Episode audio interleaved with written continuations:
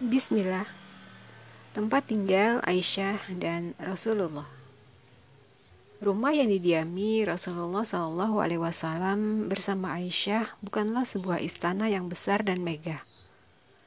Rumah yang beliau tempati bersama para istri beliau lebih tepat dikatakan sebagai kamar-kamar dan ruangan-ruangan kecil di perkampungan Bani Najjar di sekeliling Masjid Nabawi.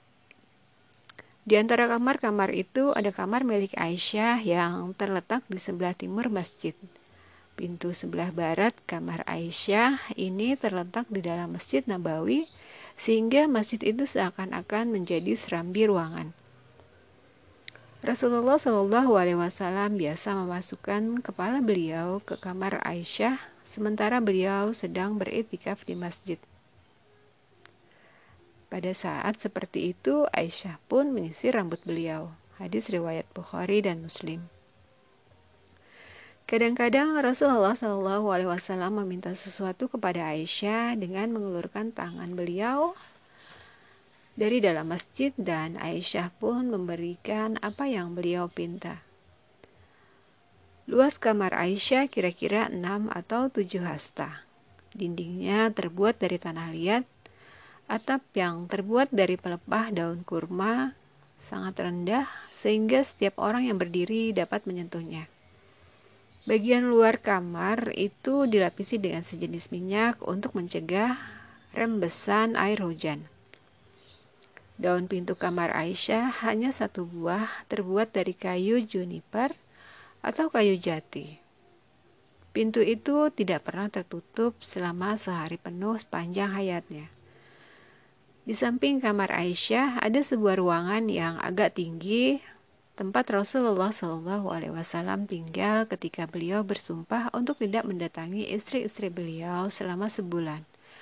Perabot rumah tangga yang ada di kediaman Rasulullah Shallallahu Alaihi Wasallam hanyalah tempat tidur dan selai tikar, sebuah bantal dari kulit yang diisi sabut, beberapa helai kulit yang digantung, geriba tempat ya, air minum, bejana untuk menyimpan air dan kurma, serta sebuah mangkuk untuk meminum air.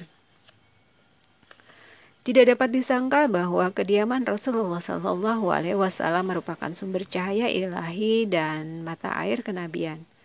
Tetapi ia tidak memiliki lentera duniawi.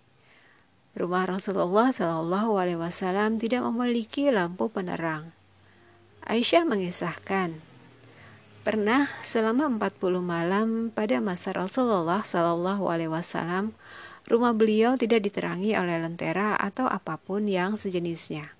Hadis riwayat Tayalisi dan Ishak bin Rahawai. Pada awalnya Aisyah hanya tinggal berdua bersama Rasulullah Shallallahu Alaihi Wasallam di kediamannya.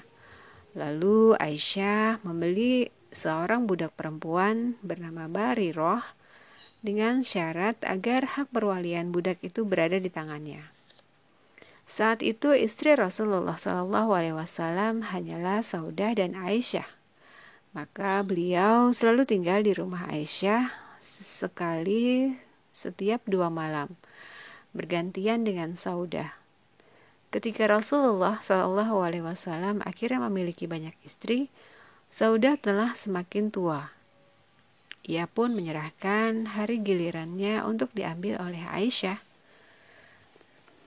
Maka dalam sembilan hari Rasulullah Shallallahu Alaihi Wasallam tinggal bersama Aisyah selama dua hari hari gilirannya sendiri ditambah hari giliran Saudah.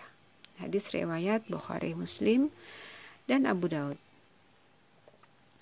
Rasulullah Shallallahu Alaihi Wasallam bersama istri-istri beliau tidak terlalu mempedulikan kenyamanan rumah mereka. Mereka tidak membutuhkan kenikmatan lahiriah. Sangat jarang api dinyalakan di rumah Rasulullah Shallallahu Alaihi Wasallam. Berikut ini penuturan Aisyah mengenai hal itu. Keluarga Rasulullah Shallallahu Alaihi Wasallam tidak pernah memakan roti gandum beserta lauknya selama tiga hari berturut-turut hingga beliau meninggal dunia. Hadis riwayat Bukhari, Muslim, Nasai, dan Ibnu Majah. Pernah selama sebulan keluarga Rasulullah Shallallahu Alaihi Wasallam tidak membuat roti dan tidak pula memasak dalam periuk. Sungguh pernah selama sebulan tidak terlihat asap dari setiap rumah keluarga Rasulullah Shallallahu Alaihi Wasallam. Hadis riwayat Ahmad dan Tayalisi. Keluarga Rasulullah Shallallahu Alaihi Wasallam hanya hidup dengan mengonsumsi kurma dan air. Hadis riwayat Bukhari dan Ahmad.